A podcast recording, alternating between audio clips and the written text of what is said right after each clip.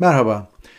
Güçlünün zayıfı ezdiği, kıtır kıtır doğradığı şu ortamda kişinin laflarının geriye doğru sicilinin mevzu edilmesi en basit tabiriyle münasebetsizliktir.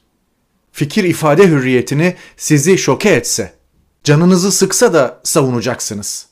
Kaldı ki bugün Türkiye'de sağlıklı tartışma zemini yok. Öküz saraya mı çıktı, saray ahır mı oldu, Hazreti Adem cahil miydi vesaire. Ülke güllük gülistanlık olur, kimsenin başına ettiği laftan dolayı bir şey gelmez. Diyelim ki münakaşa serbesttir, entelektüellerin polemiği tadından yenmez, anlarım.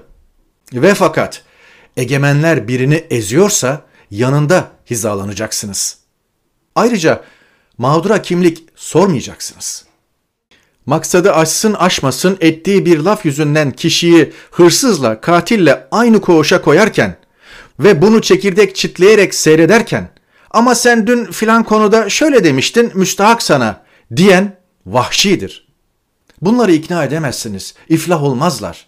Azınlığa düşürecek, teşhir edeceksiniz. Ve bir daha ağızlarını açamayacaklar. Okuyorum. Bütçeye 36 yeni cezaevi için 2 milyar TL konmuş. Ülke açık cezaevinden yarı açık cezaevine, oradan kapalı cezaevine evriliyor.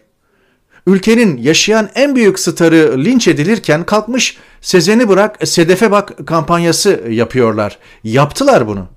17 Aralık 2013'ten hemen sonra ülkeye kötülük yapmak üzere profesyonel bir ekip iş başına getirseniz bunların yani AKP tayfasının yaptıklarını görünce şapka çıkarır. Analizi ilk defa bizim ekranlarda yapılmıştı.